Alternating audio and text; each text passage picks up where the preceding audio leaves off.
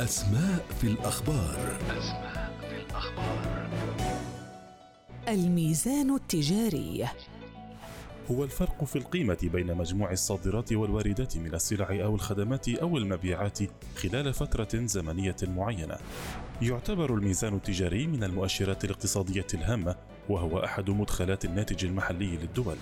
عادة ما يعبر عنه بوحدة العملة الاقتصادية المستخدمة في بلد معين كالدولار الأمريكي مثلا في الولايات المتحدة واليورو في الاتحاد الأوروبي.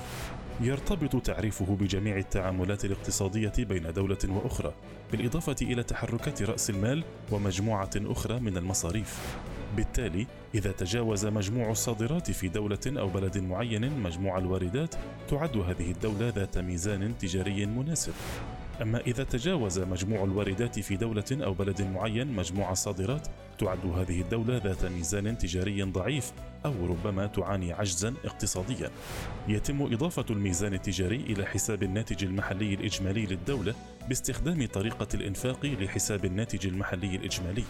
يتأثر الناتج المحلي الإجمالي للدولة بالميزان التجاري في حال العجز التجاري والاقتصادي أو الفائض التجاري. من أهم العوامل التي تؤثر على الميزان التجاري هي تكلفة ونسبة توافر المواد الخام والسلع الوسيطة والمدخلات الأخرى وسعر صرف العملة. أيضا الحواجز غير الجمركية مثل المعايير البيئية أو الصحية أو معايير السلامة تلقي بظلالها على الميزان التجاري. أسماء في الأخبار. أسماء في الأخبار.